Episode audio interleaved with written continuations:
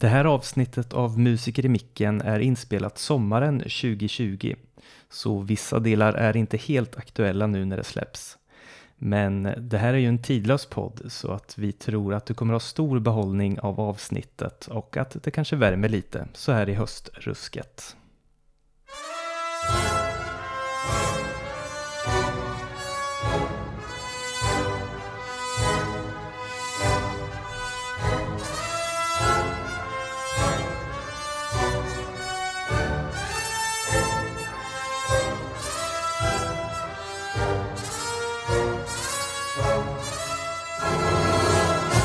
Varmt, varmt, varmt, varmt, varmt välkomna till Musiker i micken och det sista avsnittet här innan vi tar ett kortare sommaruppehåll med mig, Filip Draglund.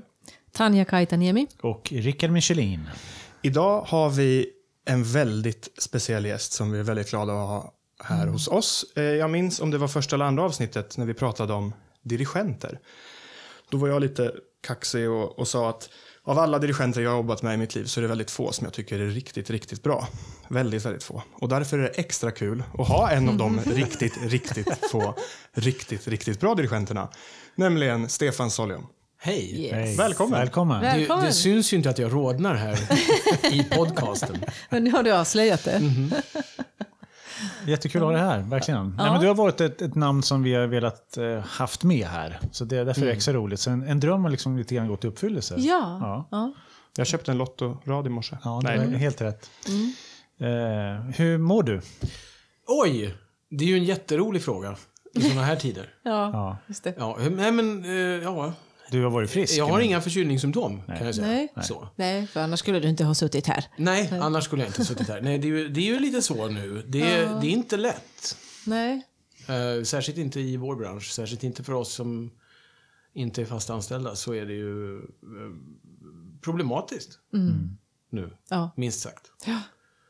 verkligen. Det har man ju förstått. ja.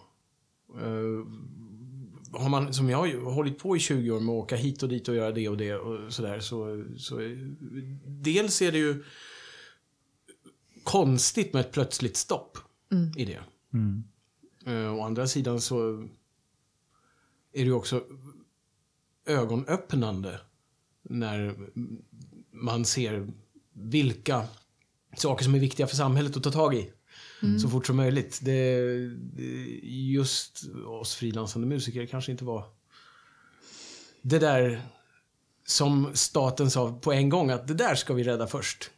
Nej. Men, men alla, alla har på något vis tvingats stanna upp i steget på något sätt. Men just när det gäller frilansare så är situationen så speciell eftersom om inte orkestrar och ensembler gör någonting in på hösten så kommer de som är frilansare ju inte heller att jobba så, jag menar långt in på hösten kanske. Så att det är ju, Och inte ha någon inkomst och ingenting alls. under sommaren heller. Jag menar, så att det Precis. är ju väldigt... eh, Väldigt har man, grymt. Har, tvingas man, eh, tycker du, tvingas man stanna upp och tänka till på något sätt? Ja, alltså jag tror det är ju individuellt. Det, är ju, det skiljer ju från person till person vilken situation man har. Jag har ju definitivt hamnat i en situation då jag måste tänka. Så. Men är det hektiskt? Alltså, en, för, inte nu, men en, en, van, en dirigents vardag annars, som är ute mycket, är det hektiskt annars? Man för, hela tiden måste förbereda program i framtiden. Alltså är det mycket och sen att gå från 100 till 7 på så kort period? Är, är den inbromsningen lite... Den är ju liksom ett uppvaknande. Och det är ju många saker som jag har lärt mig uppskatta i livet nu som jag inte hade tid för förut. Vad är det? Så, ja, men du vet. Eller snarare så här ska jag säga. Eh, Sömn. Under de senaste, ja, precis. Under sena, de senaste åren så har jag ju förstått att familj är jätteviktigt. Och eh, det har ju varit en positiv del av det här med corona. Att du har två barn? Ja, jag har två barn. Så att, så att vi, och de, de kunde inte gå till skolan heller eftersom vi hade riskgrupp hemma. Mhm. Så vi har ju fått tillbringa tre månader med barnen. Just. Och det är ju, det är ju fruktansvärt irriterande, men det är ju, det är ju jätteskönt. Det är ju det är ett sånt där tillfälle som man inte får egentligen. Nej, Men undrar om barnen kommer att minnas det när de blir större. Den Mm. där gången när ingen gjorde något. Ja, just det, så var det ja. Liksom, att de minns att det var en... Men bor ni i lägenhet, hus? Lägenhet. Ja. Ja. Kunde man komma ut i alla fall och leka lite ibland? Eller Ja, det- visst. Vi kunde ju gå till parken. Det var ju liksom, de ska ju inte, de ska ju inte till skolan då och dra med sig någonting hem. va? Men, eh, nej det... Det har varit mycket positivt med det, men just, ja, det är klart, den finansiella situationen är ju som den är. Ja. Har, det, så liksom, har ni, spelar ni sällskapsspel i er familj? Eller? Har ni- Vi har ju, vi har ju eh, vår svärmor, eller min, vår svärmor ska jag inte säga. Eh, det, det är en konstig familjesituation där. Min svärmor eh, har ju bott hemma hos oss under, under större delen av året. Eftersom jag har varit ute ganska mycket i Stockholm och jobbat. Vi bor i Helsingborg. Eh, som hjälp. Och hon, innan hon kom för att hjälpa oss så besökte hon Japan och drog med sig Nintendo Switch hem. Så det har vi suttit och spelat. Okej. Är den bra? Ja, det är ju kul. Ja. Mario Party. Mario Kart. Fast Mario Party har vi tröttnat på. Barnen inte, men vi har tröttnat på att spela det med barnen, det kan jag säga. Ja, okej. Ja. ja. Men det är alltså... I vissa länder ser man ju en mer, speciellt i Tyskland tänker jag på, där har man ju satsat väldigt mycket eh, för att försöka rädda upp en, en frilansbransch i kaos. I andra länder också att de, folk har fått någon form av statlig inkomstgaranti. Och jag, jag, jag, jag ska inte nämna några specifika institutioners namn, men Norrköping har ju inte, vi har inte haft jättemycket extra musiker. Men de, så gott som alla som har dykt upp har ju varit frilansare och därför blir jag, inte därför, utan jag blir provocerad när man ser på andra orkestrars nyskapta streamingtjänster att det är massor med vikarier som kommer från andra orkestrar som redan har Ja. fast jobb. Det är inte bara okollegialt utan direkt förödande för svenskt musikliv. Och nu kanske sommarkänslan försvann i den här podden för jag blev väldigt seriös. Men det är viktigt i de här tiderna att försöka tänka lite längre framåt. En människa Absolut. som inte får något som helst jobb på ett halvår och som kanske är van att, nu tänker jag mer på mest instrumentalister Stefan, inte på dirigenter, och är van att vicka flera veckor i månaden, kommer kanske vara tvungen att byta karriär. Och, Precis. det, och då blir det svårare sen när allt Ja. är igång igen. Ja. Det. Och det är väldigt många som det kommer att vara en otrolig livsförändring för den här perioden. Liksom. Just musiker och, och folk i eventbranschen, ljudtekniker, alla möjliga. Ja, det verkar som Det att det är många otroligt. som har omvärderat sitt liv nu. Ja. Ja. Det märker det. man ju. Det märker man ju överallt. Bostadsmarknaden är ju likadan. Folk säger upp hyreskontrakt, folk flyttar ner, folk säljer av och börjar hyra istället. Det är ju liksom Ja. många sådana där förflyttningar, stora förflyttningar som händer. ja, just det. Ja. Tid för omprövning. Eh, Men Stefan, eh, eh, ba- bara lite kort, som vi har sagt till alla våra gäster. Kan du, bara en snabb, eh, eh, snabb spolning. Stefan Scholliom, vem är du? Oj! Bara från början. Ja, vem är jag? Jag föddes ju in i en musikerfamilj för drygt 40 år sedan. Och eh, ja, det, det var ju liksom någonting som, musik var ju någonting som, vad ska man säga, Fanns. fanns där i luften. Du lär ha hållit, eh, hållit i en dirigentpinne första gången du var i tvåårsåldern, stämmer det? Ja, det, Ja. Det, det var konstigt att du vet det. Ja. Ja, det, är mycket jag vet som jag inte kan tala om. Märkte du att din loge var uppbruten innan? ja precis. Jag såg det. Nej, eh, men eh, det, det, är ju, det, är ju, det är sant. Jag stod och dirigerade Rossini när jag var två. Mm. Och fick mina första lektioner av Juri Aronovic.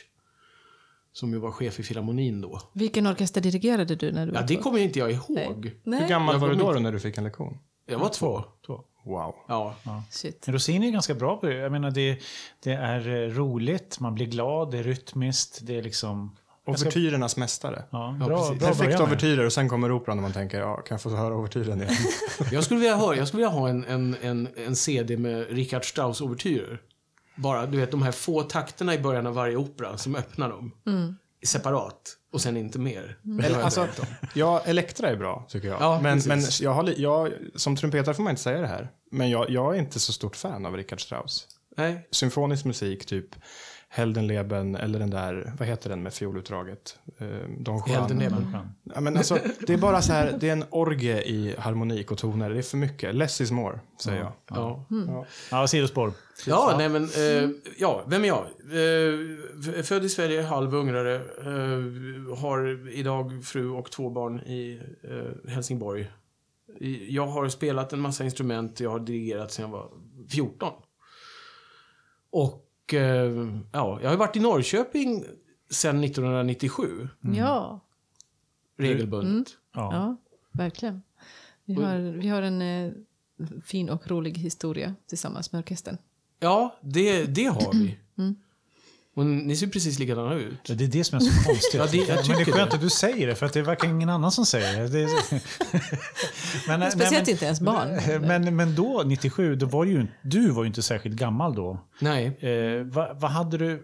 Hade du typ alldeles just gått ut eller?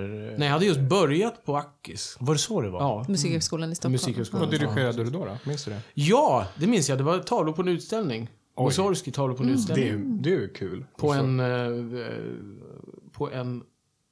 Vad heter det? Halloween-konsert.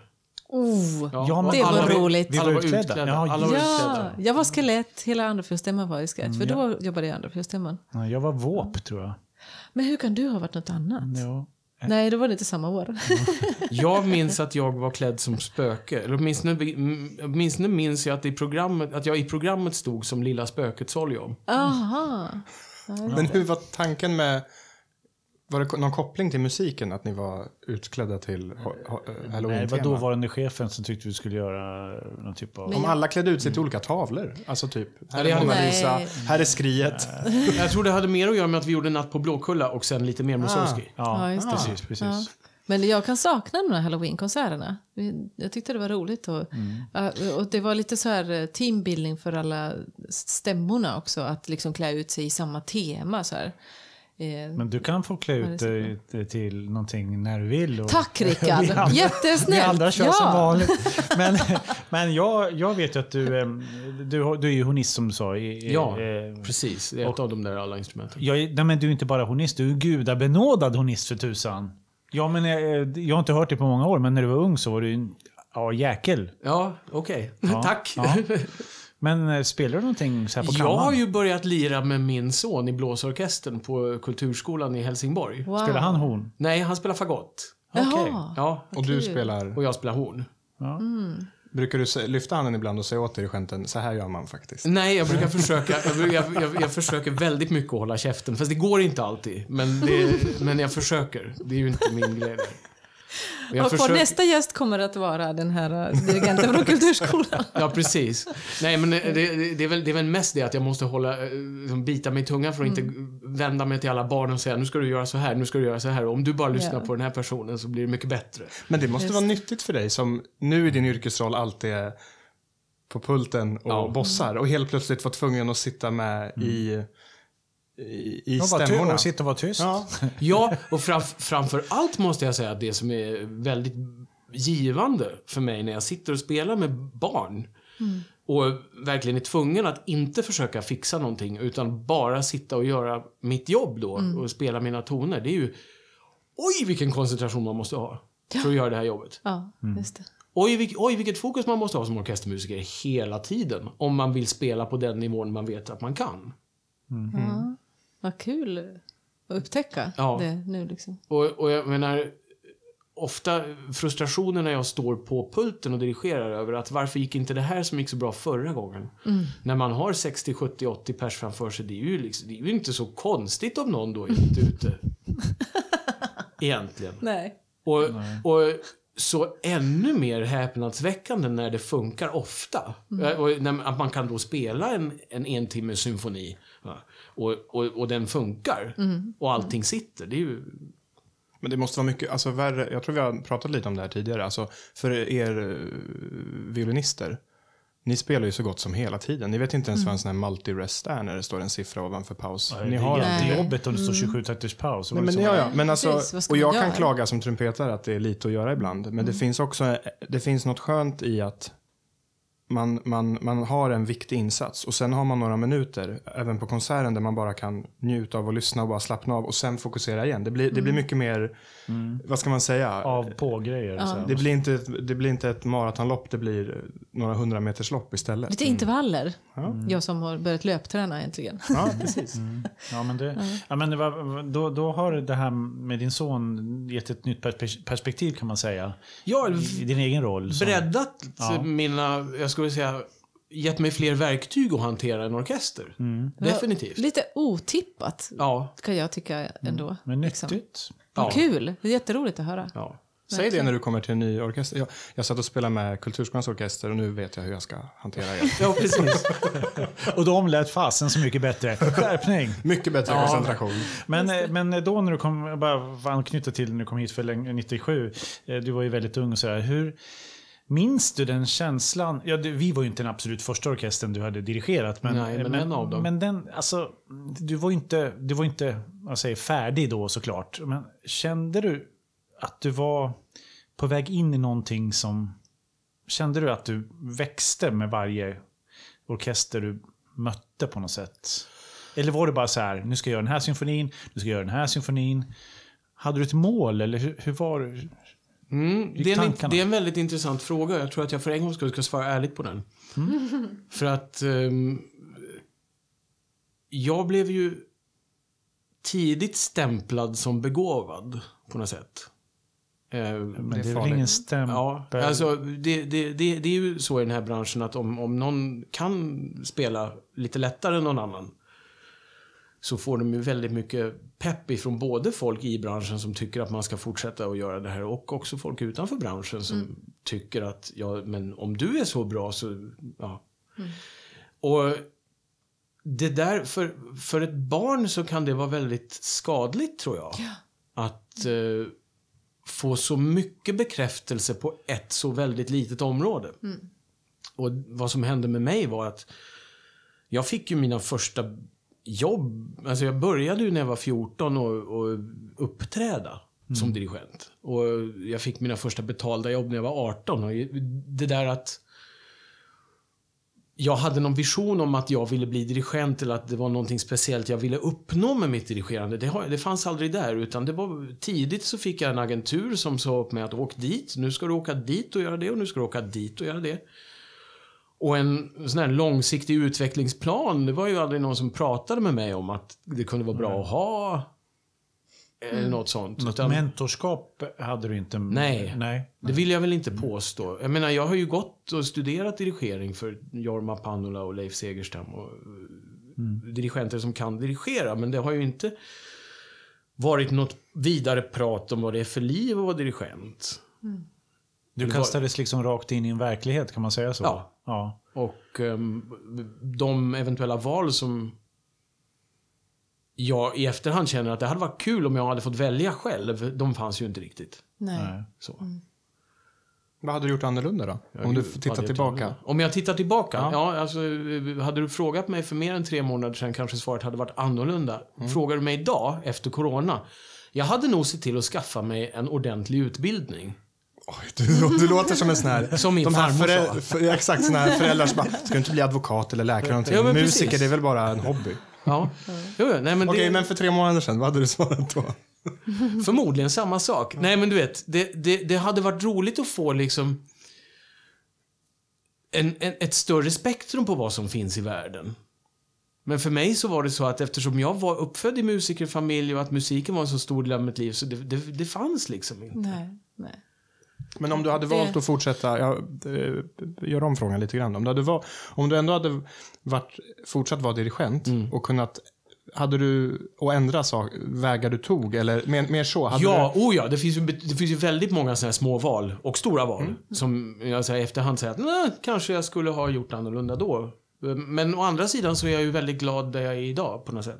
Alltså, jag har ingenting att invända emot den karriär jag har haft. Nej.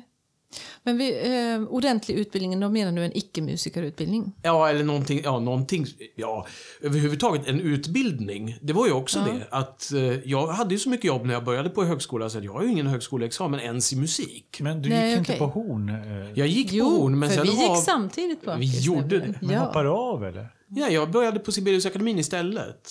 på dirigering. Okej. Ja. Så då fick du Och la hornet på där. hyllan helt enkelt Ja.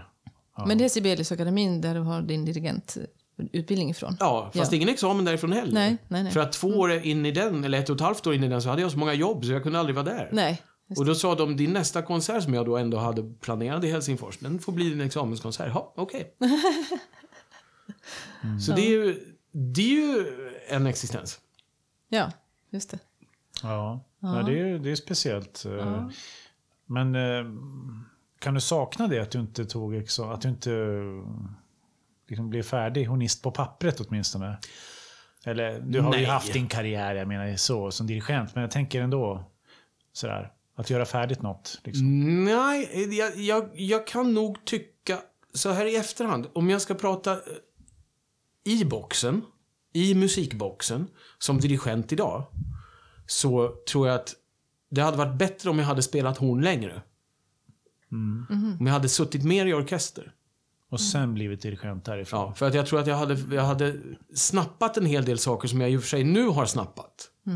Men det hade inte tagit 20 år. Nej. Jag, hade ju till med, jag fick ju till och med samtal ifrån Kristina Kjellin, i- hornist i hovkapellet.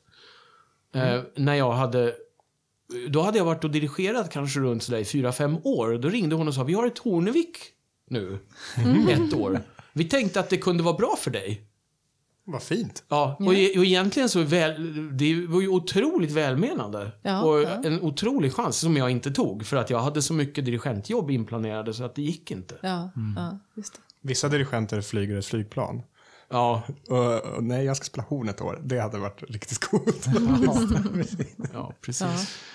Men, eh, men sen har karriären löpt på. Du har gjort eh, mängder av grejer och, och sådär. Ehm, vad, vad har du för favorittonsättare när du jobbar? Liksom, vad är det du, vad, Nu är det vad Mahler. brinner du mest? Nu är det Mahler, ja, förstås. Det är det. Ja. Ja. Men i hjärtat, liksom, vad sätter du på hemma på spelaren? Ingenting. Tystnad? Ja, det, jag, jag, jag lyssnar inte på musik. Nej. Man har det så mycket på jobbet hela tiden. Ja. Jag menar, jag hör ju tillräckligt mycket när sonen var fagott. Jo, Just jo, det. Och, men vad lyssnar jag? Jag ska säga, när jag lyssnar på musik, då lyssnar jag inte på klassiskt. Utan då bränner jag på något elektroniskt eller någonting. För att blåsa ur hjärnan. Ja, men det, där är jag precis likadan. Ja. Ja. För att jag menar, jag är ju, jag är ju så st- störd för, för efter att ha varit så många år i yrket. Men det måste ju ni känna igen också. Man har ju en arbetsskada. Jag kan ju gå och nynna på en dragning i, liksom, om och om igen i flera dagar. Jag tycker det är svårt att gå på konsert och lyssna på typ en symfoni. Och om man lyssnar på ett stycke som är uppdelat i tydliga 2, 4, 8, 16 takter. Att jag sitter och börjar räkna takter. Är det sant? Ja, nej men det, det Gud, vilken för, För din, Trumpetsjuka. din, från, för din stämma, så att säga. nej, för man räknar alltid paus. Och spelar man det. opera, det pratade vi om igår i vårt, eh, när vi spelade in vårt förra avsnitt. Då är det ännu värre. Ibland är det 672 takters paus. Ja. Alltså, och, då, och när man har gjort det några dagar i rad. Det går inte ens att lyssna på radio utan att tänka en Men det Få. är lite skad... Ja, det är en absolut en skadat. arbetsskada.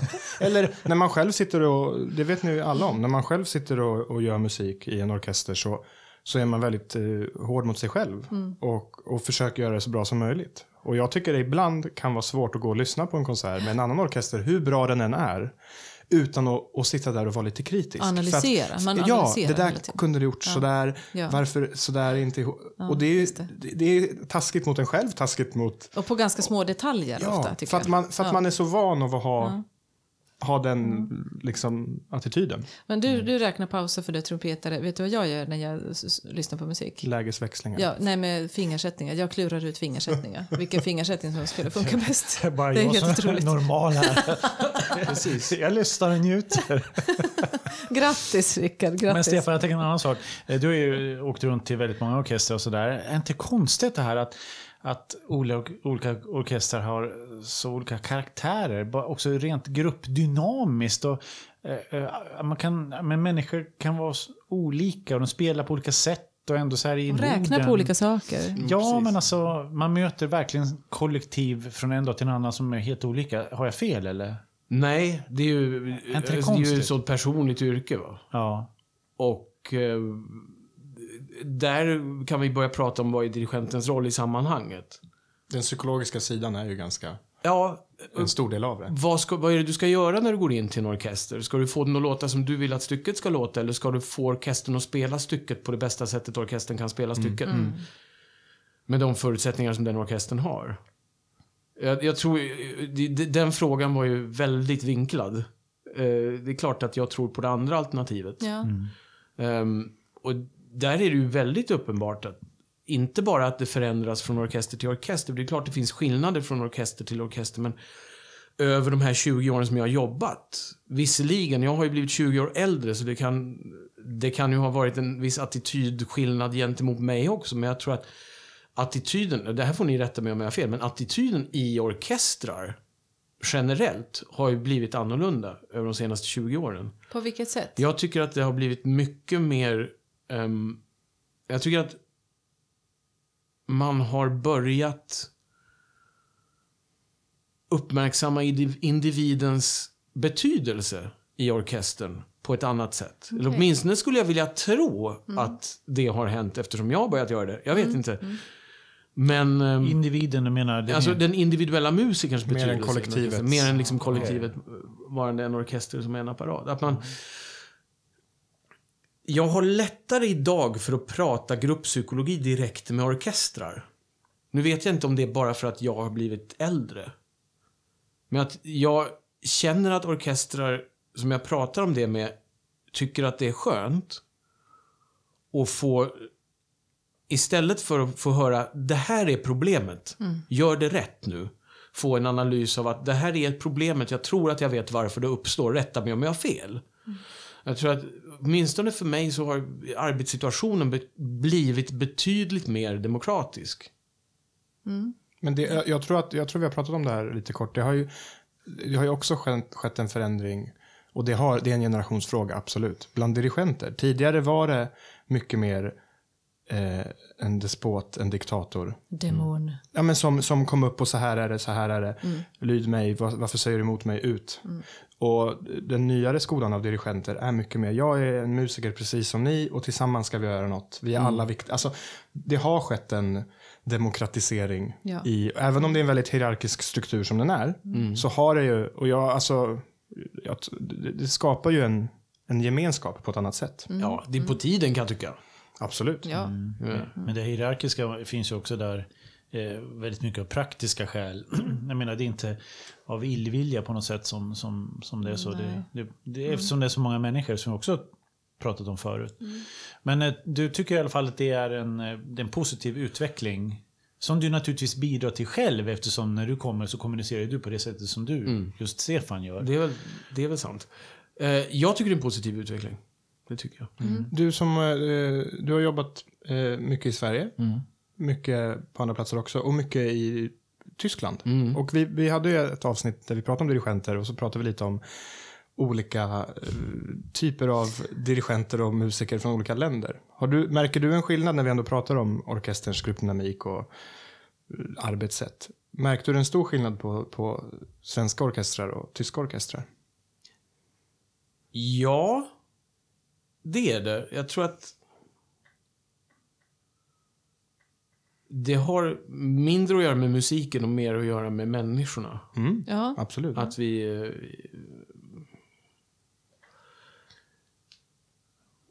Jag skulle vilja påstå att vi i Sverige egentligen borde vara ganska bra på att vara en orkester. Eftersom i Sverige bestämmer ju ingen och alla. Just det. I de svenska hierarkiska strukturerna som finns i samhället. D- Och i Tyskland så, vad jag märkt i Tyskland, vilket jag inte märker så mycket här, är att det finns betydligt fler, vad ska man säga, en, enstaka divor. Som ska bestämma. Ja. Och som tycker att deras subjektiva åsikt om någonting väldigt litet är helt rätt. Och man kan inte liksom ens ta en diskussion. Och allting annat är fel. Ja. Men är det inte också lite mer hierarkiskt i Tyskland?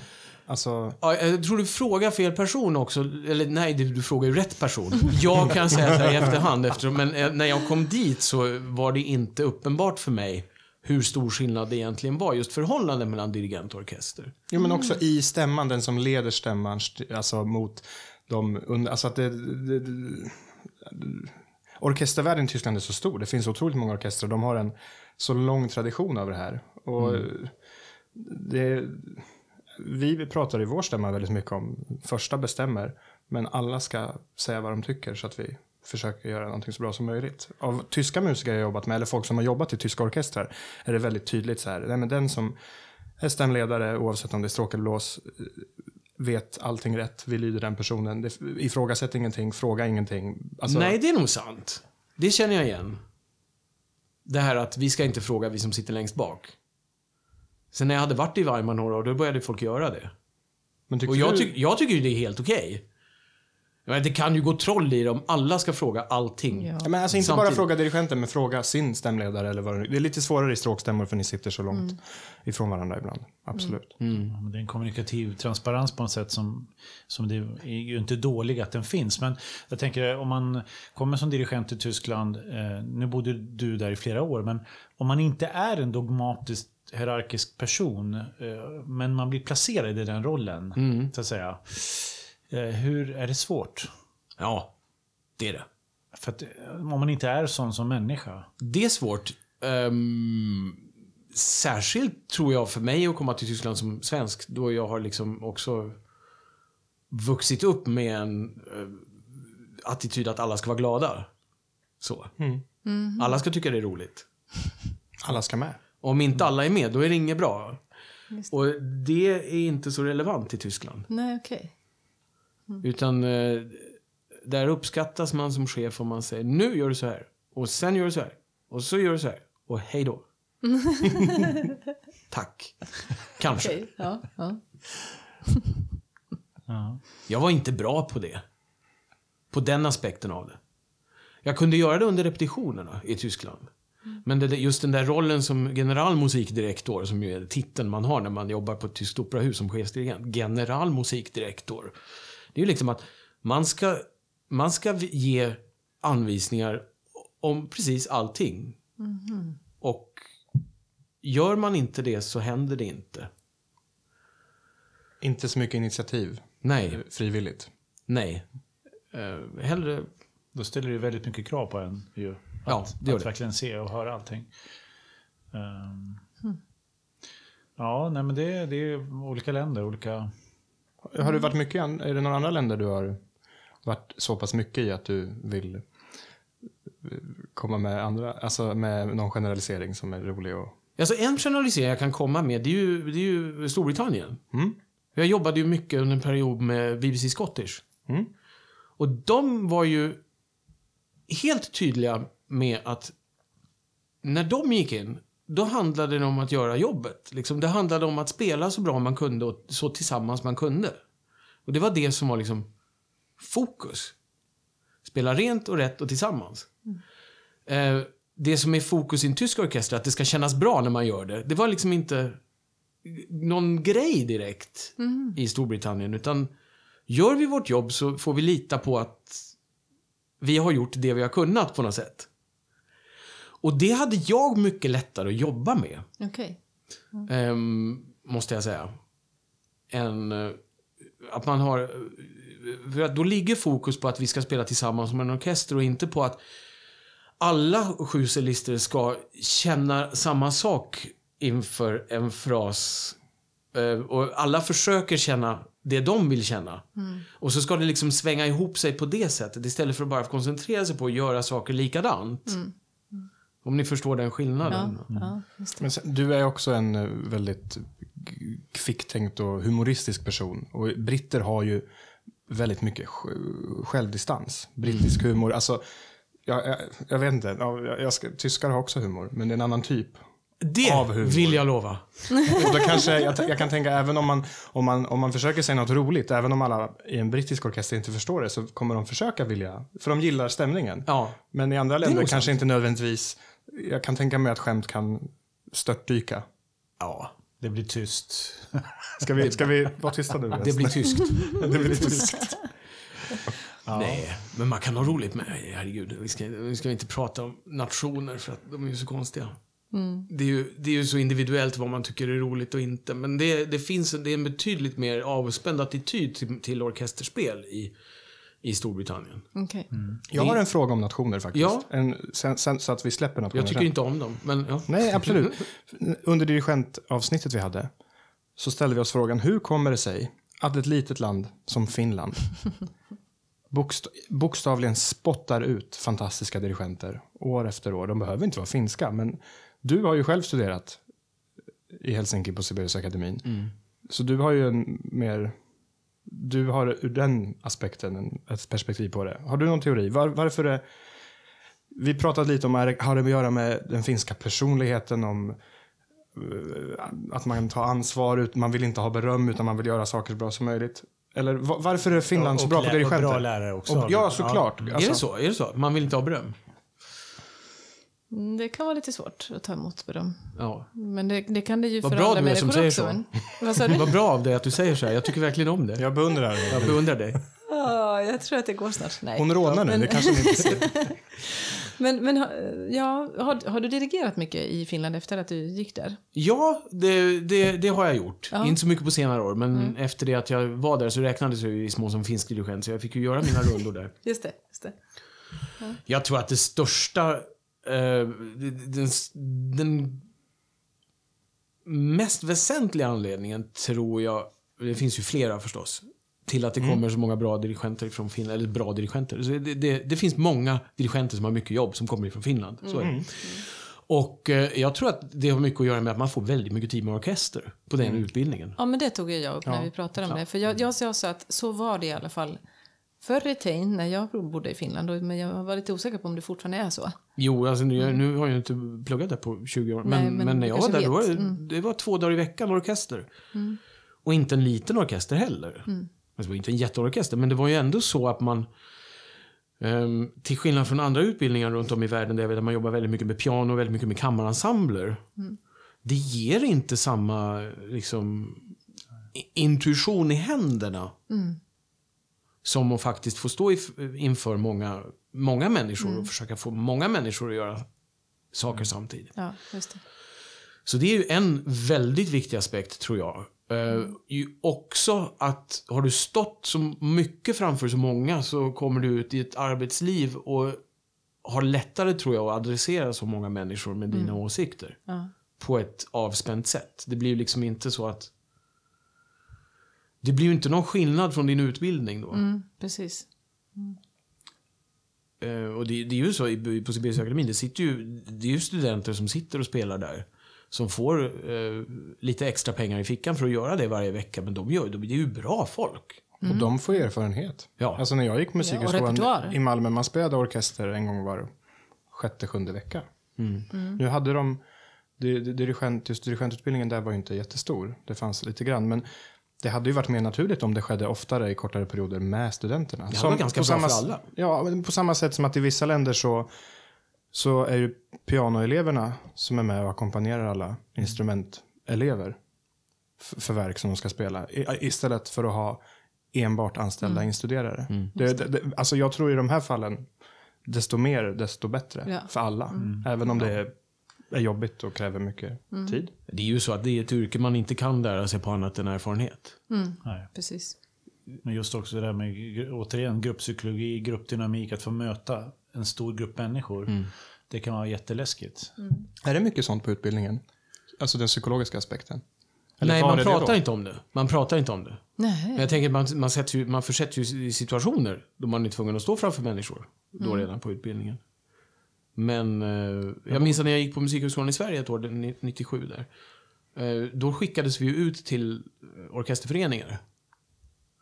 Och det var så det hände att vi fick liksom orkestervana. Då var det någon orkester, eh, orkesterföreningar runt om i landet som tog folk som gick på utbildningen. Och det är amatörer Ja, som sitter i orkesterföreningen. ja.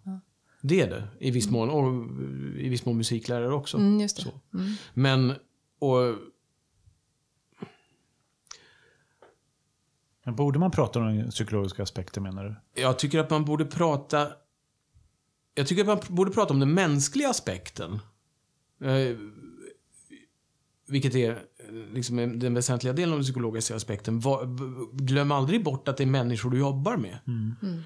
Och att det finns så många... Det här är ju bra för hela livet, men också naturligtvis som dirigent. Men att, att vara medveten om att alla människor bär på ett bagage. Och alla människor bär på ett, kan bära på ett bagage idag och ett annat bagage imorgon. Mm, just det. Ja. Och där, eh, någonting som irriterar mig i, i branschen är ju just att det är ju så att allas egenvärde inom musiken definieras av vad andra tycker om en. det, är ju, det är ju inte så att man som ung musiker får utbildningen att ja, bara du spelar rätt och liksom sett vissa kriterier för dig själv så kan du vara nöjd med det du gjorde. Det, det får du aldrig höra som ung musiker. Utan det, det, du får höra åh vad duktig du var, åh vad duktig du var, åh vad duktig du var. Och det där gör ju att kommer du sen in i arbetslivet och förväntar dig att alla hela tiden ska säga till dig vad duktig du är, då kan bli det, det, blir en stor Ja. smäll. Ja, Ja, verkligen. för ingen säger något. Precis. Nej. Man får aldrig någon feedback längre. Och därför är det ju jättekul som orkester men när det kommer en dirigent som berömmer orkestern hela tiden. Man blir ju jätteglad. Har Den jag där hört. dirigenten var jättebra. Ja. Den måste tillbaka. Ja, men vi slutade en halvtimme tidigt. Ja, och vi fick kan- bara beröm. Ja, det är jobbigt med, bara, med för mycket beröm. Det blir, kan ju bli Är du finsk, eller? Nej.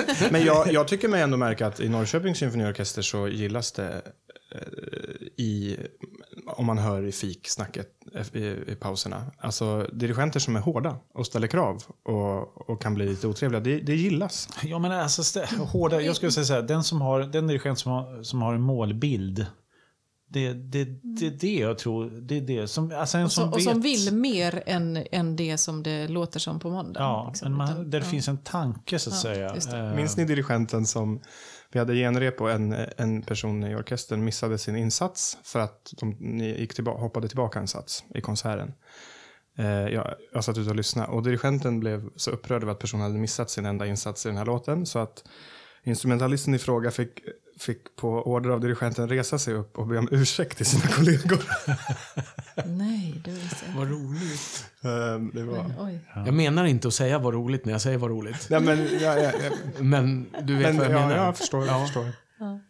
Men också, Ehm. med det här, folk har olika bagage.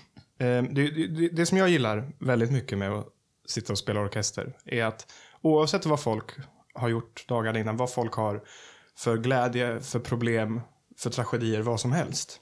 Så träffas man, sätter sig på, ett, på, på en scen tillsammans.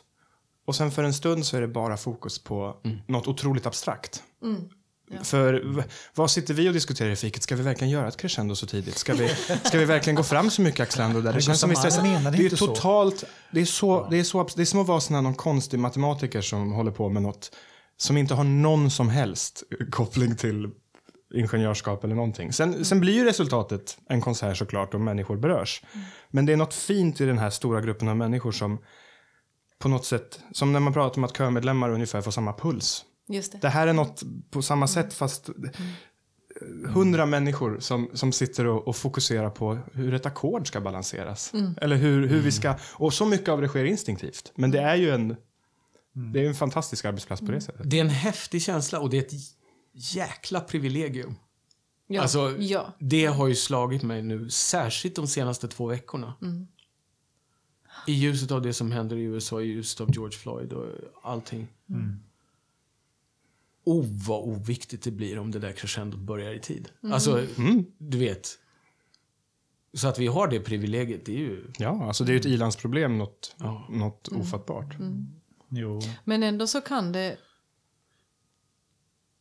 Alltså i viss mån, även om, om det är iland, ilandskänslor, så kan det ändå hjälpa människor enormt i sådana här saker som man inte pratar om och som man inte är medveten själv, alltså publiken. Nu har vi ingen live-publik just nu på grund av corona, men, men det, här med, det här med som du sa Filip om att vi fokuserar, hundra människor fokuserar på samma små detaljer, samma, samma sekund, samma stund av musik liksom och, och spela live tillsammans.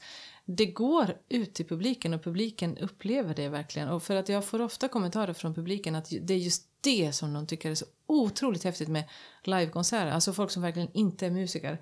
Att de, de uppfattar det. De uppfattar det att vi är hundra personer som, som eh, som tänker och känner samma sak och fokuserar på samma sak och att det blir någonting så otroligt magiskt och, och musiken som vi spelar jag har hört flera som verkligen har sagt att det har liksom att komma på konserterna har verkligen hjälpt en genom en livskris eller något sånt. Så att man får inte det, är det känns väldigt oviktigt att prata om det där crescendot men samtidigt så får man inte glömma det stora som det ändå kan ge till enskilda individer. I, Nej, nej absolut. Men min, alltså, om vi inte hade gjort ett crescendo där utan alla Ja. hade bestämt sig för ett, något annat så hade det hade inte vi, vi sit, gjort så stor skillnad för slutprodukten så. Vi tror det. Nej, det, jo, det var ja, mer... Precis, just det. mer Jag tror, den att, jag, jag, tror, jag tror att förklaringen är snarare att vi måste som musiker hitta sådana små oviktiga saker och fokusera på. För att, faktiskt, för ja. att faktiskt lyckas hålla fokus över en längre tid. Mm. Just det. Vet vi att vi liksom... Vet vi att i den här takten, då är det det här som är viktigt. Och nu ska vi koncentrera oss på det här. Då har man åtminstone någonting att koncentrera sig på. Hållpunkter liksom. Och det, liksom, den här... eh, Just handlingen att koncentrera sig. Mm. Det är där jag har... Jag vill inte säga märkt, men bestämt för mig att det där, det där är, eh, nyckeln ligger för mig. Just det. Men det är ändå en sjuk grej. Ja, att man går, in, man, kan, man, går, man går in och sätter sig i en sal. Och så sitter det hundra personer på pulten med olika instrument, helt olika instrument, som de har lagt så många tiotusentals timmar på så det inte ens går att förstå. Och vissa instrument svarar med detsamma, vissa instrument svarar efter en halv sekund. Vissa, alltså, det är helt olika, olika sätt. Vissa instrument, många av instrumenten i orkestern har inte alls med varandra att göra. Nej. Det är olika delar av kroppen som aktiverar dem. Och sen går det fram någon, går upp ett steg på en liten platå, viftar med handen och sen helt plötsligt så hör man ett ljud som bara kommer från alla personer på samma gång. Alltså bättre än en, en pluton av uh, officer eller infanteri, jag vet inte ens vad det heter, som viftar, viftar på fötterna och med risk att förolämpa hela Sveriges militär. Men det är ju ändå, det är ju ändå sjukt Ja. när man tänker på det. Fantastiskt. Ja, ja absolut. Vi, vi öppnar alltså vår abonnemangsförsäljning i augusti. Varmt välkomna då. Ja, för nu är det ju sommar. Ja. Solen skiner ute. Det är helt fantastiskt fint väder. Ja, det blev ju sommar. Märkte Ja. ni det? Att man liksom satt inne under hela det här corona på något vänster Ja. och sen så helt plötsligt var det sommar. Ja, och just det det. är Just det. varmt som tusan. Ja, precis. Eh, Nu är allting utplanterat kan jag meddela. Ja, bra Ja, Jag har Rickard. pratat Bra, mycket om Rickard. hans eh, Ja. växt. Eh, och eh, chiliplantorna de, de tickar på och landet där är jättefint. Så att, Ja, eh, det är jättekul. Ja, Och jag har flyttat till en, eh, en eh, ny lägenhet med en gigantisk balkong och har precis idag fått alldeles nya tomatplantor av en kär vän som har odlat upp dem. Mm. Det ska bli fint att försöka ta hand om dem. Fast jag har inte så gröna fingrar, men jag har så här fiolfingrar. De Men ge dem vatten bara så, så Ja, lever de jag ska, jag ska försöka komma ihåg Man det. säger det. Ja. Inte för mycket. Men, nej, Fast tomater gillar mycket va? Ja, just det. Men jag hörde, man ska, man ska ju vattna dem, man kan vattna dem med guldvatten. Vet ni vad det är? Guldvatten. Ja, urin. Urin ska... En, en del urin och, ti- och nio delar vatten. Ja, just På grund av am- ammoniak. Men du har ju en hund, kan inte den hjälpa till? Ja, Jo, precis. kanske ska lära Mys att och, och gå och pinka i tomathinkarna Eh, istället. eh, jag vet just det, du, ni bodde ju i hus för, för, till- tills för inte så jättelänge sedan egentligen Ja. väl? Så, men nu är det, bor ni i lägenhet. Ja. Ja, jag tänker på det här med då, nu och framtiden och sådär. Och, ehm, du har ju varit chefdirigent i Helsingborg ju i sex, år, Mm. sex säsonger. Eh, nu, nu är du fri, så, fri som en fågel. Ja, precis. Ja. Det var ju timing Ja. där. Eh, och hur hösten ser ut, det vet ju ingen. Vi, I alla fall minst Mm. vi. Vi vet att du kommer till oss flera gånger nästa säsong, vilket är jättekul. Hur många gånger blir det? Ho- Förhoppningsvis fyra. Fyra. Fyra. Det är Ja, ganska, ganska mycket. Beethovens nia. Mm. Det blir jätteroligt. roligt. eh, och då måste vi... Det är i december, Jag ska- decemberkonserten. Jag ska, säga, nu ska jag säga så här helt ärligt att eh, de här programmen som jag ska göra nästa år, eh, jag har inte sagt till så mycket om dem. För att eh, när jag fick frågan, är det okej för dig om vi gör det här? Då säger jag, det är klart det är okej för mig. Jag, jag struntar i vad vi spelar. Det roliga är att vara här. Vad Kul. Det spelar ingen roll vad det är vi gör. Att vi gör det, är det som är kul. Jo, men sen är du en sån person som också, om man får säga, du, är liksom- du är ju väldigt öppen för alla, all typer av musik och du, du är inte så prestige... Nej, det... Du är prestigelös när det gäller sådana saker och du tar in allt möjligt. Så Är det någon musik du har svårt för att dirigera? Det behöver har inte vara en specifik tonsättning. Jag har svårt för att dirigera musik som inte har puls. Så. Jag har svårt för musik som inte har puls, helt enkelt. Jag, jag, jag satt till och med och funderade häromdagen på om jag skulle vilja kalla det för musik. Eller ljudbild bara. Ja. Oj, Ja, just det. måndagsgruppen. Ja, precis. nej, nej, det, det, det, blev, det är långt att köra från Helsingborg till Norrköping om man börjar tänka på det för tidigt, redan vid lagan. Men vad är musik? Eh, Just det. ja. Men, eh, men eh, en sak jag skulle vilja ändå lyfta fram nästa år som du ju inte gör med oss då tyvärr. Men det är ju Mats Larsson Gotes nya opera Löftet som har premiär i, Mm. på, på Förintelsens minnesdag. Mm. Eh, har den. Ja. I, i, på, på Operan i Stockholm. Eh, har du varit med i, i processen någonting när det gäller Nej. verkets tillkomst? Nej. Nej, det har jag inte. Men jag har en... Eh, Susanne Marco som har skrivit librettot. Hon har byggt det librettot på en släkthistoria. Eh, som handlar just om två människor som förlorade varandra i förintelsen och sen hittade varandra efteråt. Och eh, Susanne Marco, familjen Marco är ju mycket god vän till min far. Som ju också överlevde förintelsen. Så att det, det, det, finns en koppling. ja, det finns en koppling, inte bara, inte bara att, utan även i såna här detaljer. Det beskrivs i detalj ungerska maträtter i librettot. sant? Som jag är uppfödd på. Ja. Och det är också... Så det här, alltså jag känner till, så det här är alltså en opera som handlar om förintelsen men som har ett lyckligt slut. Ja. Det behöver vi i såna Ja. här tider tycker jag. ja, absolut. Ja, Det ska bli härligt. Alltså det ligger ju nära. Och Mats... eh, Han har bra, bara skriver haft- väldigt bra musik. Ja, han, alltså. skri han skriver musik som går att spela. Jag, jag, en, det var en tonsättare som ringde mig om dagen och frågade vad tycker du om min musik? Och jag sa... eh, och, och jag, Säg jag, inte vem bara. nej, nej, nej. Men jag ska inte liksom... eh, och det fick mig att tänka på, utan att värdera det samtalet på något sätt, så det fick mig att tänka på vad är det jag tycker om med musik? Så vad är det jag tycker är bra med musik? Vad är det jag tycker gör bra musik bra och dålig musik dålig? För att du vet, det är ju bara jag som tycker. Ehm, det får jag bestämma. Men för mig så är det det där, och jag tror att jag skulle kunna få mer på det här tankesättet också. Att musik som är skriven om, för orkester, om vi nu begränsar oss till orkester. Musik som är skriven för orkester av någon som vet hur instrumenten spelas. Och vad man kan göra på instrument. Det är mycket roligare. Än både musik som inte utmanar och som är på tok för svår. Och någon som kan utnyttja numerären och använda det både som ett litet och ett stort Ja, medium. Alltså inte bara hur instrumenten fungerar för sig utan tillsammans. Ja. Hur får man en orkester att låta stort och fylligt och, och litet? efter? Eller som, någon, som, någon som har någon som har en basic kunskap om hur, hur en orkester fungerar också. Det är också någonting som jag kan känna att musik som jag tycker är, nu viftar jag med fingrarna, bra. ehm, är ofta musik som faller sig naturlig att spela. För att den, för att den ska vi säga, ligger bra för orkestern. Är det någon av de här riktigt gamla etablerade tonsättarna som har dött för länge sedan som inte är så bra på det? Som det märks när man spelar att det här öh, blir lite kärvt. Janacek, skulle jag vilja påstå. Janacek har ju mycket har ju mycket udda instrumentkombinationer som inte är riktigt självklara.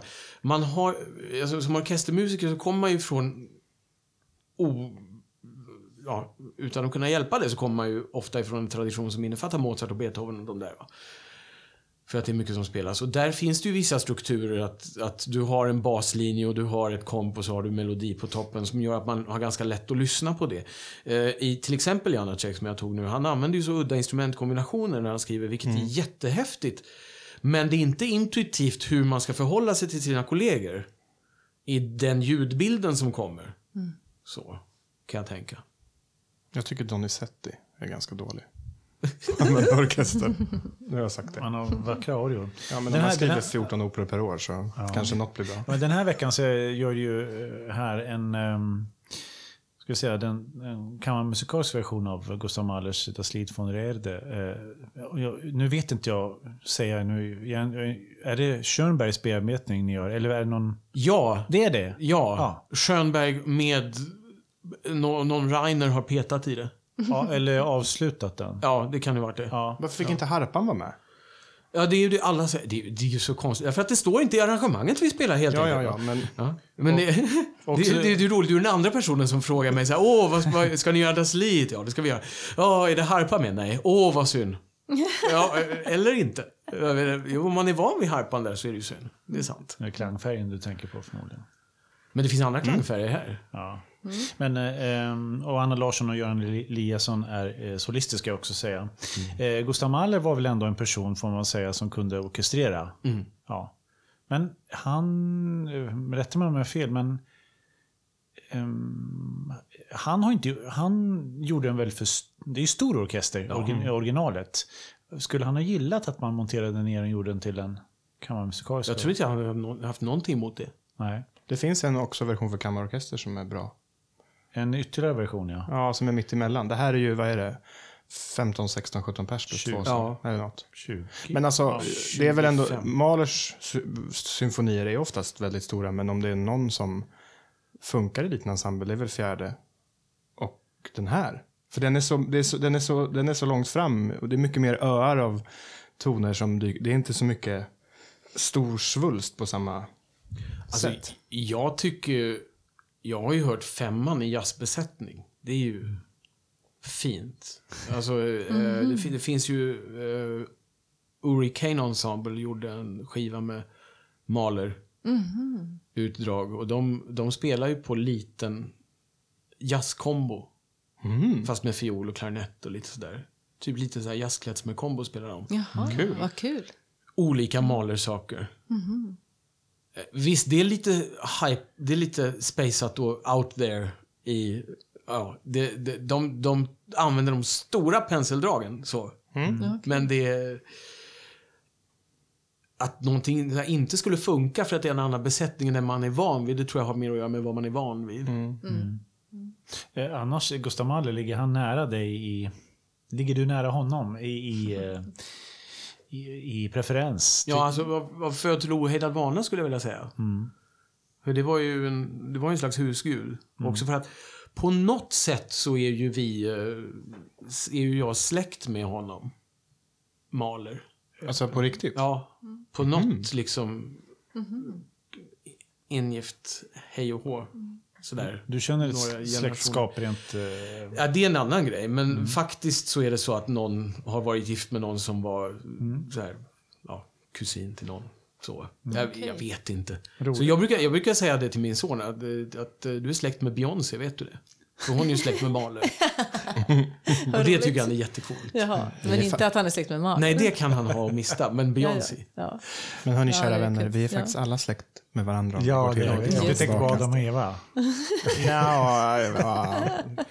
Nej, men det är kul. Eh, Jag, jag har haft diskussioner med min fru om Mahler. Eh, Hon, hon, sa, hon sa ju någonting jättebra om det där. Hon sa, alltså, när, hon sa, när jag hör Mahler, då är det som att då är det som att det är ett stort kaos och dirigenten är den som ska på något sätt få ordning på det där.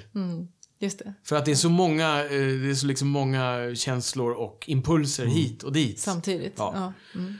Eh, och, men jag kan, jag kan känna att spela Mahler, det tycker jag inte så mycket om, måste jag säga. För det är väldigt stressande för mig. Okej. Det är Det få tonsättare som har så mycket instruktioner på Ja. Ja, nästan varje ja, ton. Just det. Eh, Kräver enormt fokus. Och det är inte helt lätt, särskilt som blåsare, att veta precis. Det är, det är ju inte några naturliga fyrataktsperioder och nu ska Nej. vi spela, utan ibland så är det en viktig ton som bara kommer ur någonting. Ehm, till skillnad, däremot så är det jättekul, har jag alltid tyckt, att lyssna på Mahler.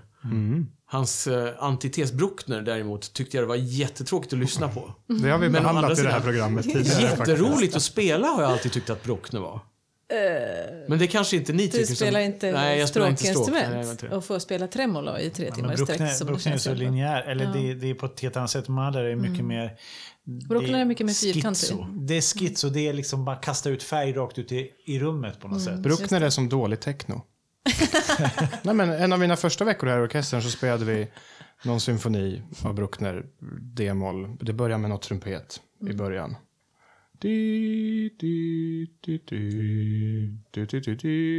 Och sen gör han det fyra gånger och sen...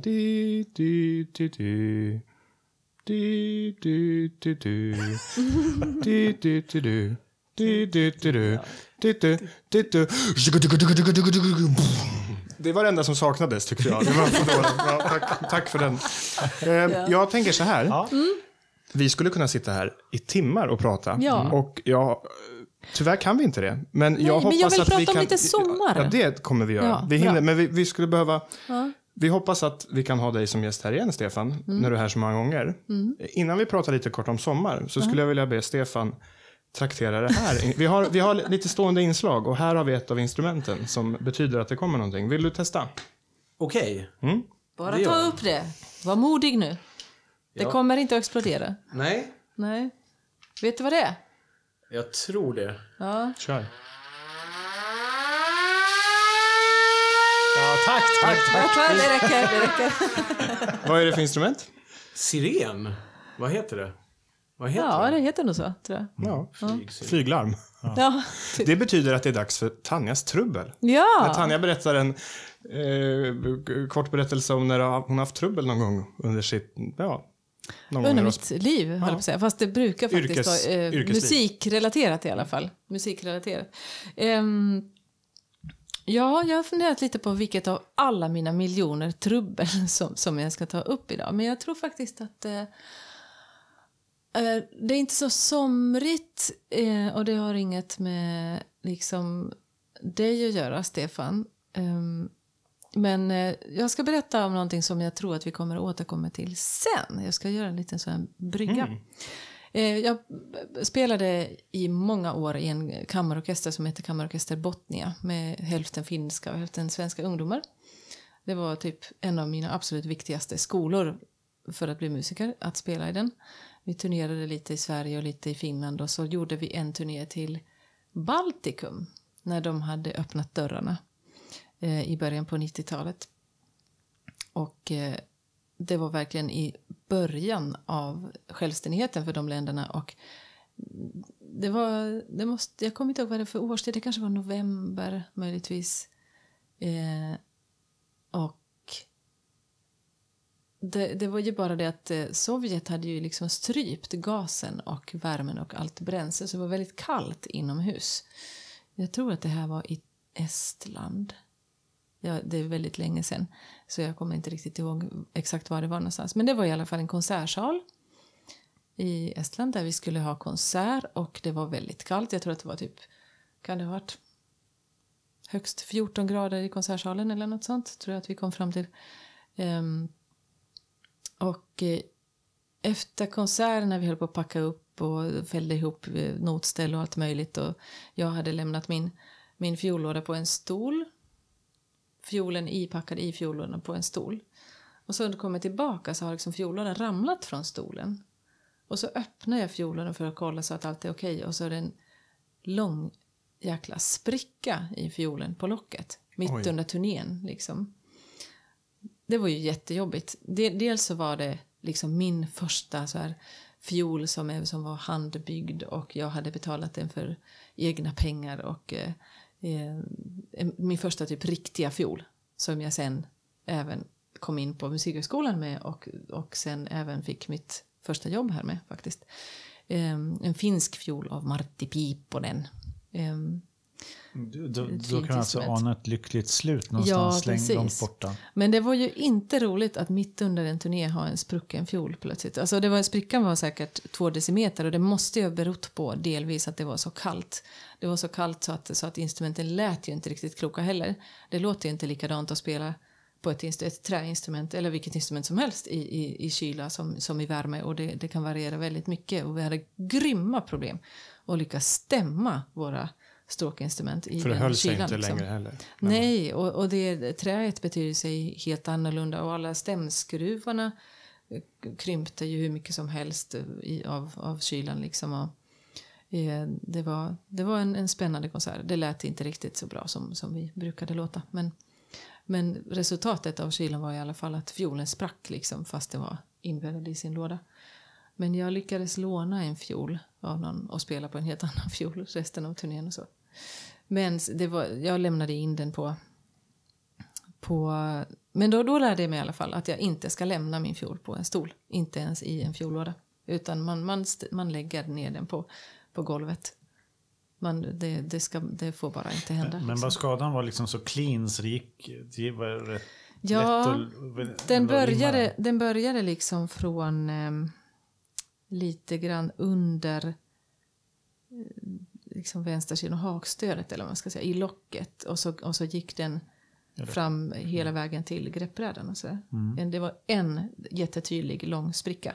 Och det, det gick att laga. Men jag visste ju inte då när jag var där att det, Tårarna om det bara skulle... rann. Det är ju inte billigt att köpa en man fiol blir, heller. man blir, så- Nej, precis. Alltså, och sen har man ju en kontakt med sitt Ja, man har ju, instrument. det, var ju liksom, det var ju liksom min fiol och det är ju ens röst. Så att när det händer, sen har det hänt mig också att till exempel en, en stråke har gått, så, gått av. Liksom och så där. Det blir, jag kan inte riktigt förklara vad det är som vad det är som händer, men man blir så fruktansvärt ledsen. Eller jag blir det i alla fall. Man tror att det, men det är bara en vara som går, och, som går att ersätta med en annan vara. Liksom. Men riktigt så är det inte, för att man, ens klang sitter ju i det där. Det är ju liksom min röst som violinist och som musiker sitter i det här instrumentet. Och då, det blir som en förlängning av en själv på något sätt. Ja, men så Det är mitt ja. uttryck. Ja, men så har ägnat många timmar åt eh, instrumentet. Ja, man har engagerat ja. sig. Och det Precis. Så, det är en känslomässig aspekt i det hela. Nu blev det lite, lite ledsamt trubbel idag, men, men det, det blev ett lyckligt slut för det var en violinateljé i Helsingfors som,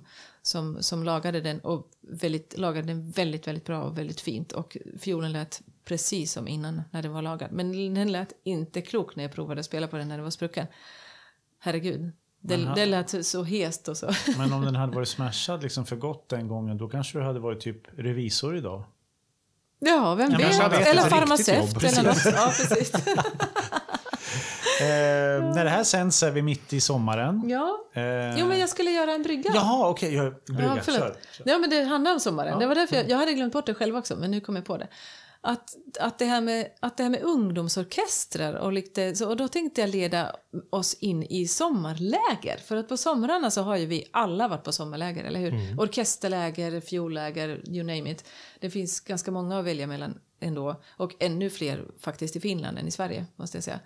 Och vi, förra, I förra avsnittet så pratade jag lite grann om att en av de, en av de viktiga personerna under min uppväxt till musiker liksom var en, en otroligt entusiastisk finsk eh, eh, symfoniorkesterlägerdirigent som, som fick en att liksom verkligen, alltså det här med fokus och att liksom ge allt och att hitta känslan i musiken fast man är en trött tonåring och så liksom. Eh, men vad har ni för erfarenheter av olika sommarläger? Hmm. Har, ni Ja, alltså- på, har, ni, har du varit på sådana, Stefan? Ja. Oh ja. Ja. Alltså jag menar... Vi har varit på Har- samma faktiskt. Ja. Har Du det dirigerade. för mig, Vi var för mig, samma också. ja, just det. För mig betyder det oerhört mycket med de Nej, här för, mig, för sommarlägren. mig var det ju allt. Det var ju, Ja. det var ju där det började. Nu var det, nu, för mig började det redan 93 på, eh, på Ingesund, på Musik för ungdom. Mhm. När jag var där. Jag var där 93, 94, 95, tre år i rad. Då var jag instruktör. Fast på fiol då. På Ingesund? Det var då du spelade Chardas. Du stod i mitten så här, så stod brasset runt omkring dig. Kommer du ihåg det? Så var det i alla fall. Ja, Du var 15 år borde det ha varit. jag spelade Chardas Ja. på... På Valthorn? Ja, Ja. precis. Valtorn. Ja, jag var, jag var där då. Jag Vad hade roligt. arrat den. Vad sa du? Jag hade arrat den. Ja, ja, det hade du gjort. Tror ja, jag. precis. Ja. Ja. Men jag var fiol- fiolinstruktör då. Ja, så det var flera, du? i flera år. Sen la de ju ner kursen samma år som det fyllde 40 år tror jag. Okej. Grattis. Var du där? Och det har jag glömt. Ja, ja men vi, alltså, Jag- vi hade jag- inte så mycket med varandra att göra. Rent, Jag tittade ju bara på Bettan. Bettan, är Ja, men det var då jag lärde känna Elisabeth. Eh, som är... Er Bettan, ja, visst. Ja, Hon gick i Precis. vår orkester. ja precis. Ja. Just det. Ja.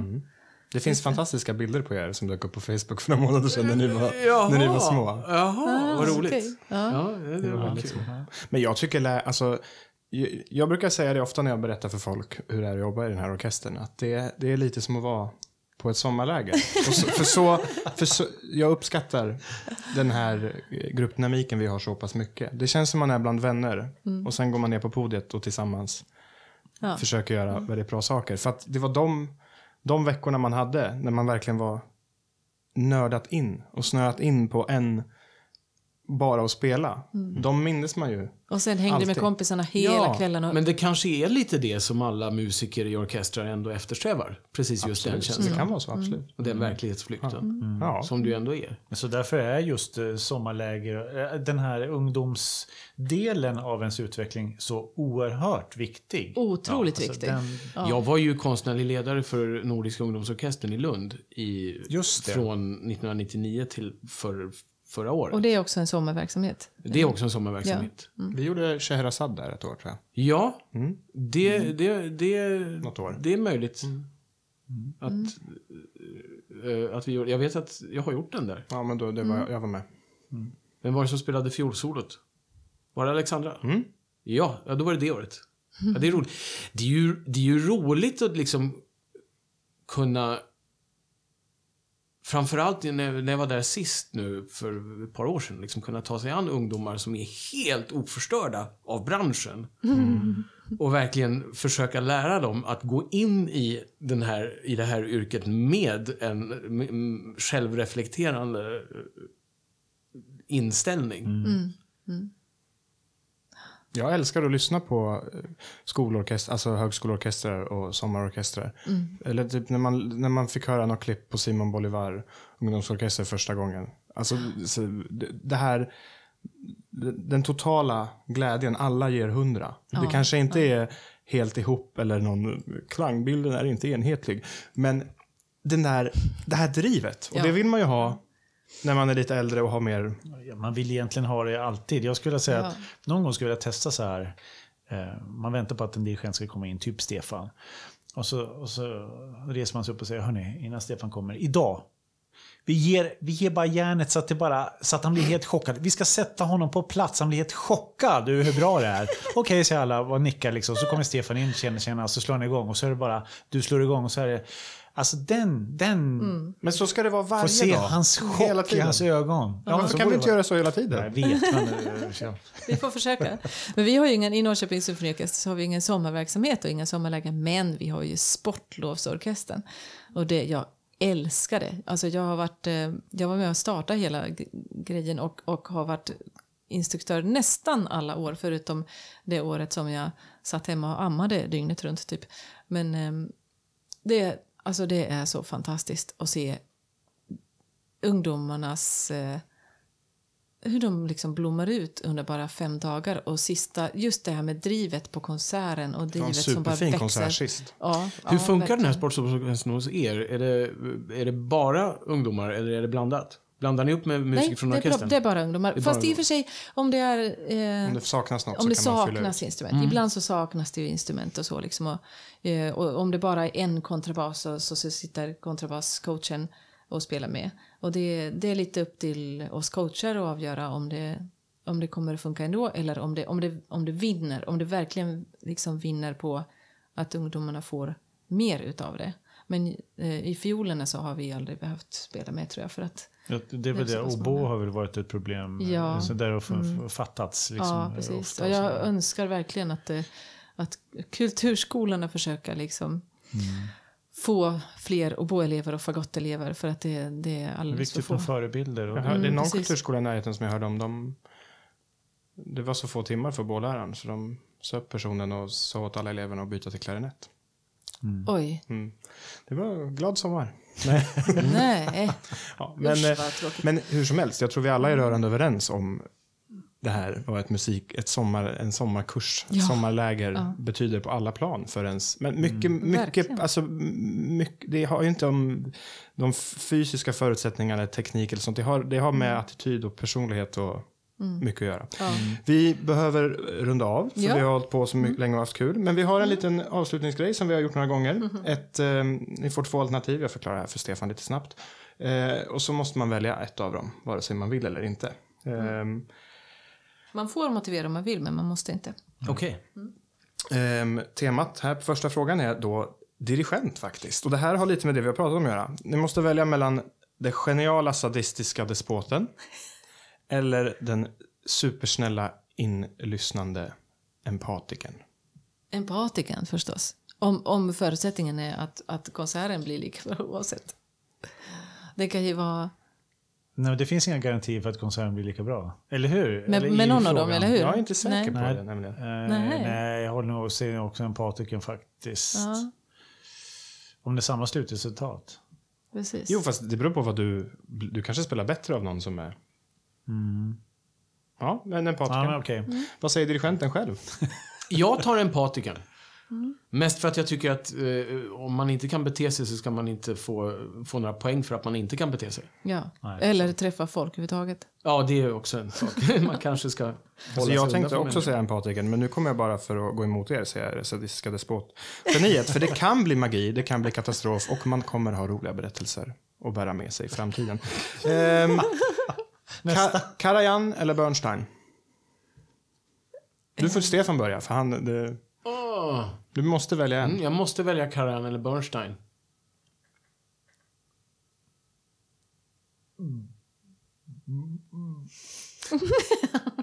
Säg det bara, låt det komma. Bernstein. Bernstein för mig också. Ja, samma här. Samma här. Ja, vi är rörande Okej. överens. Oj, första Jag kommer gången någonsin. för att nej. Jag tyckte Karajan kunde dirigera bättre. Alltså, jag, jag tycker om hans händer. Jag tycker hans händer är tydligare. Mm. Men å andra sidan så är det inte händerna det ligger i hos Bernstein. Nej. Det, Det är alla kroppsdelar samtidigt. det finns någon, är det någon Haydn eller Mozart-symfoni som man, när han slutar dirigera bara Ja. står och dansar lite? Men det, alltså det, med, med Bernstein är ju inte mycket av det han gör som är liksom tekniskt jättebra. Men vad fint det funkar i alla fall. Ja. Det är ju bara... Det är, När han dirigerar Candide, sin egen ouvertyr och är Mm. så glad. Och, ja. eh, nästa. Eh, måste välja ett att lyssna på. Eh, horn eller cello? Oj. Cello. Cello. Men horn. herregud. Ju... Jag väljer Vad horn. tråkiga vi är. Som är Men jag och Tanja, liksom, vi har varit överens nästan på varenda, eh, nästan på varenda en. Det Vad här är det som har inte... hänt? Jo, men det, det säger väl om att ni är så inne i er arbetsroll att ni inte har någon egen vilja längre. Nej, just det. Men vi, för vi brukar nämligen inte vara överens. Nej. Nej, Någonsin. nej men det får, ja. Ja. Och du då? Alltså det är de två vackraste instrumenten. Punkt slut. Ligger ju närmast eh, Ja. nära människorösten. Och cello är fantastiskt. Men vackert horn är, slår nog allt. Okej. Och det, när, när man förstår hur svårt horn är. Så, med mer, okej. Är det det då? Är det så svårt? Alltså jag, Som alla spelar, säger. jag spelar trumpet och jag Ja. tycker det är svårt. Ja. Att spela horn, är på, det, är som, att- det är som att spela trumpet. Bara, alltså, du bara andas lite mer och så är det en oktav någon annanstans. Det är så, alltså, högt upp i hornregistret, tonerna ligger så nära så att du kan trycka på vilken knapp som helst. Det spelar ingen roll. Du ja, måste jag, vara jag så tyckte alltid det var praktiskt. Och med vänster hand. Det är, det är typ en förklaring till att man spelar med vänster hand. Nej, men strunt i det där. Ja, precis. Ehm, en sista seriös då. Ehm, här får man välja mellan två personer som är, inte finns med oss längre. Men man får, träffa, man får välja vem av dem man vill träffa och få spela med eller under. Eh, Johann Sebastian Bach eller Gustav Mahler.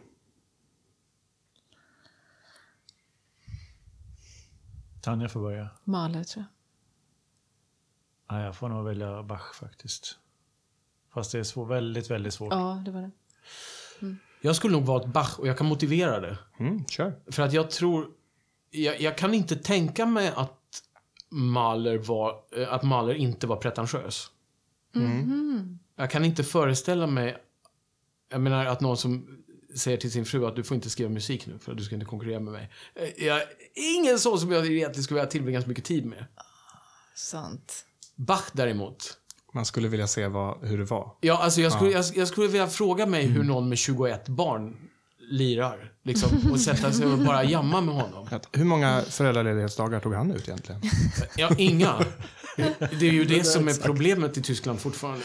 Ja, Men apropå, jag, jag säger klockrent Bach. Och, alltså för att det hade varit kul att få höra hur musiken spelades På den tiden. på den tiden. Ja, och jag, med Ja. tanke på hur noggrann Mahler var i sina stämmor Mm. och traditionen av orkestrar så har ju, jag tror inte det har förändrats jättemycket. Mm. Instrumenten har förändrats visst, men i, i Bachs fall, det skulle vara så kul att höra hur några av de här enormt svåra Tänk att få några tips av Bach. Och så liksom, Men apropå pretentiösa tonsättare, Wagner, Mm. han får ett barn och så tackar han sin fru för att han har fött honom ett barn och skriver Siegfried Idyll som är typ, istället för att skriva en barnvisa så skriver han en sån här kvarts orgie i harmoni. Ja. Sista, nej, näst, två, två oseriösa. Eh, Star Wars eller Star Trek? Stefan? Star Wars, men min fru kommer döda mig. We're an interfaith marriage. Varför Star Wars? Varför? Nej, men Jag, jag växte upp med det. Ja. Jag tycker, eh, alltså, om jag ska analysera det så tycker jag förstås att Star Trek är mycket vettigare. Det här med gott och ont, det är så, det är så svart och vitt så det har jag inte mycket till övers för. Star Trek är mycket mer trovärdigt. Men The Orville, där har vi en riktig rymdshow. Mhm. Ja. Det får vi kolla upp. Eh, jag har inte tittat på Star Trek. Kommer, kommer din fru Stefan att att döda mig också nu, eller? Nej, hon kommer att utbilda dig. Ja, okej. okej. Jag, jag ber henne skicka en lista över ordningsföljd. Okej, bra. Eh, men... Eh, och jag som inte ens äger en tv. Men, eh, jag, men jag tycker om Star Wars, så jag väljer Star Wars. Mm. Jag tittade ju alltid på Star Trek när jag var liten och sådär också. Men, Vilken men, version var det då? Alltså, Ja, den, den, som, alltså det Star Trek som, som gick alltid. Och sen, och sen även filmerna. Men eh, det, filmerna är så många idag så man håller inte koll på dem riktigt. Men det, Star Wars får det bli. Star Wars har ändå följt mig. för att du har spelat temat så många gånger. Ja, precis. Men jag har ännu inte sett den allra sista filmen. Det måste jag göra nu i sommar. Jag kan med glädje gå mot er alla tre. För Ah. jag, jag säger Star Trek, 100%. Ja, härligt. Alltså, visst, musiken är bättre i Star Wars, det är mycket mer teatraliskt och alltihopa. Men Star Trek, det finns något fint med den här idén att mänskligheten har kommit så långt. Alla får göra vad de vill i teknologi och utbilda sig själva. Det finns inga pengar, det finns inga sjukdomar. Sen är ju alltså premisserna, alltså, alltså storiesarna är ju jättedåliga. Manuset är ju jätte, kan man skriva ner på baksidan av en godispapper. Ja, inte allt. In the pale moonlight. Okej, bara. sista med sommartema. Ni måste välja en att äta till middag en hel vecka. Eh, jordgubbar med ketchup eller sill med sylt? Jag är vegetarian, jag säger jordgubbe med ketchup. Ja, det får jag också säga. Ja, fast det där, är- det där tycker jag är fegt sätt att komma sig ut ur. Nu får ni låtsas att ni äter kött om ni inte gör det. Ja, nej, nej, jag, jag äter kött, men jag skulle aldrig äta sill med sylt. Men hjortron kanske skulle. Nej, men jag skulle nog ändå ta jordgubbe med ketchup. jag tar nog faktiskt. sillen faktiskt. Ja. Ja. eh, det känns ju fullständigt främmande med ketchup till jordgubbar. Jag kan liksom inte ens... Men man kan ha så här honung och senapssill. Då borde man väl kunna ha Ja, lingon jag kanske valde sill. fel. Det, det kanske kommer. Ja, men sill med lingon. Alltså, finns Det ju. finns ju. Jaha, Ja. du ser. Ja, men, och du själv då? Ja, men nu när jag har hört er så, så, så, så är jag sill med sylt. Ja, precis. Ja, Sill med sylt, det är hitten. Det får det här avsnittet heta tycker jag. Ja. Sill med sylt. Stefan, så otroligt roligt att du, var här. Ja, Eh, jättekul. Vi tackar dig i djupet av våra hjärtan. Ja, men tack själv. Det är ju jätteroligt att få vara med på något sånt här. Och, eh, och så hälsar vi välkommen till nästa säsong. Att vi får ses så många gånger som det bara kommer att kunna gå. Och önskar varandra en trevlig sommar. Ja, Glad sommar. Stay safe. Glad sommar. Wash Glad your sommar. hands.